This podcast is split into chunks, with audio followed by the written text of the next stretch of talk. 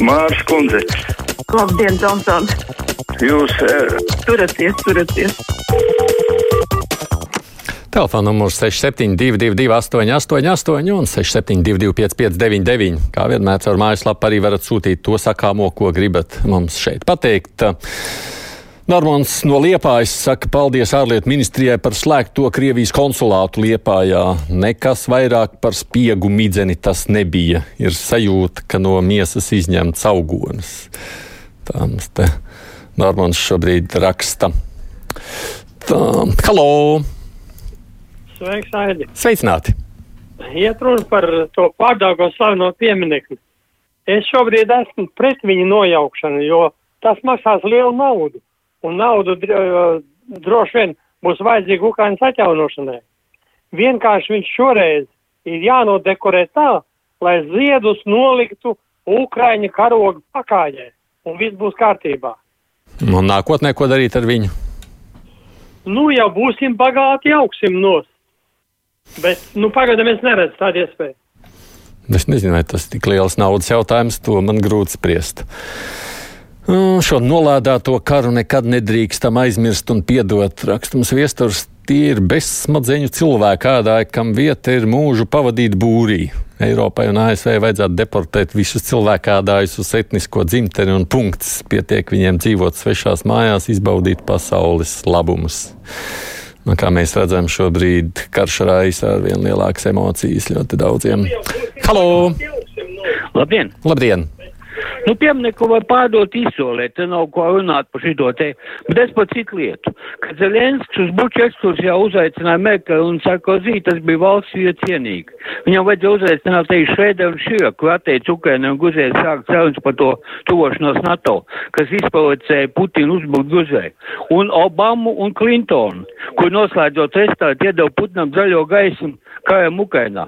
Freiberg un Zatlers, kur nevarēja nezināt par Krievu pasādātām zvejībām otrā pasaules karā, tomēr nolaidās līdz 9. maija svinēšanai kopā viskrieviskāko necilvēku Putinu. No, es nezinu, vai tur kāds īpaši aicina kādu, vai tie, tie kas paši piesakās. Es patiesībā tiešām nesaprotu, kā šajā situācijā darbojas tā diplomātija. Es domāju, ka Zelenskis tur ir priecīgs par jebkuru, kurš atbrauc, bet uh, kurš pieņem šo lēmumu, kā tas notiek, nezinu. Jūs rakstāt, iedomājieties, kas tagad ar mums būtu, ja Latvija nebūtu iestājusies Eiropas Savienībā un NATO. Atcerēsimies visus tos netālredzīgos, kas aicināja nestāties Eiropas Savienībā, joprojām aicina izstāties. Protams, viņiem nevaram atņemt pilsonību, jo pat Raivis Dzintars bija starp tiem. Ivars atgādina, es par Raivi jau gan esmu aizmirsis, kā tas toreiz bija. Tiešām tā bija. Tā, es kamēr mēģināju šobrīd sarunāties ar jums, tikmēr man izmet ārā no e-pasta, tāpēc es vēlreiz dabūnu slēgties iekšā, lai pieslēgtos pie tā, ko cilvēki man te raksta vai saka. Lasīšu, tāpēc tālāk nav vainīgs. Man atgādina mums šādi par karu Ukrainā. Tikpat lielā mērā kā militāristi atbildīgi ir arī Kremļa televīzijas kanāla propagandisti, kas gadiem ilgi uzkurina Krievijas sabiedrību, lai tā sāk pieprasīt karu. Tāpēc pret viņiem ir jāpasludina bargas sankcijas, un viņi ir jāpasludina par kara noziedzniekiem. Kā es teicu, bargas emocijas. Halo! Halo. Uh, Labdien! Labdien! Nu, nu, es tā klausos rādio visu laiku, bet klausieties, kā tagad mums būs tiem pensionāriem, tagad šitiem te, uh, uh, bēgļiem, viss viņam ir pavelti, pavelti braukšana, pavelti gultas, pavelti ēdiens, un viss, teica, mums pievis pensijas, bet neko nevar pielikt, ko tu 280 eiro, ko tagad vari nopirkt. Ieja paskaties, gribas būciņu, tad vietam cilvēkam nopirkt, piemēram, 82 gadi man, jā, paskatos māciņā, ka nē, varbūt iztikšu bez būciņas. No, a viņiem viss ir, ko viņi grib. A kā tad mūžus bīžavo, savus kodus esam pilsoņi, visu mūžu nodzīvojuši, visu mūžu nostrādājuši, un tagad mums šis ne tā vairāk, tikai viņiem viss būs, jā, paldies, ka uzklausījāt. Nu, redziet, jums tomēr jānošķir arī divas dažādas naudas plūsmas, pat šajā reizē pat tā, ja mēs gribētu tā mazliet ciniskāks to palūkoties, jo mm, ziņas, jo tā Eiropas Savienība tiešām piešķir 600 miljonus tiem valstīm, kas šobrīd uzņem bēgļus, lai palīdzētu, jā, Man nepavisam, protams, žēl nav, bet man ir žēl, protams, arī jums, ka jums nepietiek tam visam, bet tas ir pilnīgi cits budžets, cita nauda. Un es ļoti ceru, ka tā indeksācija nu, kaut cik varētu palīdzēt, lai gan te jau solīja, ka varētu arī šo indeksāciju veikt ātrāk nekā tas ir ieplānots pēc iepriekšējiem gadiem. Varbūt bruņotie spēki militārās mācības var sarīkot uzvaras parkā un nejauši nobombardēt nost to okupācijas failu. Kāds klausītājs raksta. Halo! Jā, halo! Jā, lūdzu! Bēgļu apkalpošanas punktā varētu piedāvāt arī, kas vēlās vakcinēties. Tas ir viens. Un otrs, jaunā mēdī padome būtu ieteicams viņai pārraidīt arī kādu igauņu vai lietuviešu kanālu, jo angļu kanālu un krievu kanālu jau tā kā mums pietiek. No nu, labi, mēs bez laikam liekas ekspertīzes, gan jau kādi dzird, ko jūs sakāt, um, kāpēc šajos kara apstākļos tiek vājināta Latvijas televīzija un citi mediji, saka Dainis, tik uzkrītoša daļa no sociālajiem tīkliem un pat amatpersonas atklāti noniecina medijus. Jā, no nu, te būtu droši vien man pārāk daudz ko teikt, lai es neizvērstos šajā reizē brīvajā mikrofonā, bet um, iespējams mums kādu interviju vispār darētu sarīkot par nu, to spriedzi, kādu vērojam pēdējās dienās. Halo! Labdien! Labdien! Es abrīnoju jūsu divkosību, Aidi. Īsumā paskaidrošu, kāpēc. Pagājušo rudeni nomira adventistu pansionātā desmit cilvēki, jo neielaida medikus. Es jums zvanīju pāris dienas pēc tam, teicu, ticība bez darbiem nav nekas, jūs man dievojāties, noteikti būs izmeklēšana, viss rūpīgi jāpārbauda, kas tur bija, kā tur bija. Zvanu jums 5. janvārī, jūs man sakāt, privātais pansionāts, tā grib tā dara, neko nezinu un negribu zināt. Kā tad īsti ir? Kā es varu jums ticēt to, ko jūs stāstāt par notikumiem pasaulē un Latvijā? Ja jūs nezināt, kas notiek jūsu pašu reliģiskajā konfesijas iekšienē. Nu, droši vien tādā gadījumā man liekas, es jau nezinu, vai man publiski jāpaskaidro. Es nemaz neesmu šajā konfesijā, Adventistu baznīcas sastāvā. Ja pirmkārt, jūs gribētu man to jautāt, otrkārt, šis pansionāts nepieder Adventistu baznīcai, cik es zinu. Līdz ar to, kā es jums varu atbildēt par to, par ko es nezinu. Es pat tiešām uzskatu, ka tur ir jābūt bijusi ļoti skaidrai un tiešai izmeklēšanai, un vainīgiem ir jāsņem sots, ja tas likuma pārkāpums tāds ir. Tāda ir mana pārliecība. Un es ļoti arī varbūt tiešām aicinātu kādiem kolēģiem palūkoties, kas tur ir šajā laikā noticis. Bet visādi citādi tas tiešām ir privāts pansionāts, kurā, jā, cik es zinu, darbojās cilvēki, kuri ir saistīti ar baznīcu. Tā tas tiešām tur varētu arī būt. No par trīs miljoniem mācīs latviešu valodu. Tā taču ir tīrā zakšana, kas iet pūcis ģimenei kabatiņā, saka Ēgļa kungs.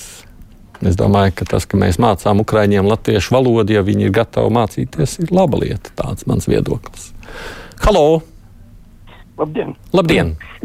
Es ieteiktu Latvijā dzīvojošiem krievu pensionāriem anulēt iepriekšējos izglītības dokumentus un iesaistīt viņus obligātā trīs klašu pirmskolas apmeklējumā, kur e, pasniedz latviešu valodu, geogrāfiju un vēsturi. Skolas neapmeklēšanas gadījumā izsniegt viņiem bezmaksas kompasu ar sarkanu iezīmētu austrumu virzienu. Paldies! Jā, paldies par zvanu un domām. Protams, ka Merkele, Sarkozī, Širaks, Šrēders, Freibergs, Atlers un tie latvieši, kas balsojuši par Obamu, nebrauks uz buču skatīties uz Putina nogalināto sieviešu un bērnu līķiem, jo uz to nolādēto prokremlisko izdzimteņu pašu rokām ir Putina upuru asinis. Māzera kungs ir tikpat šobrīd strikts savā viedoklī. Kur pazudusi soda? Interesējās Urzula. Veikalos nav, vai tad soda nāca no Krievijas, lai tad ieved no Zviedrijas. Veikali neturiet tukšas sodas plauktas. Nav sodas?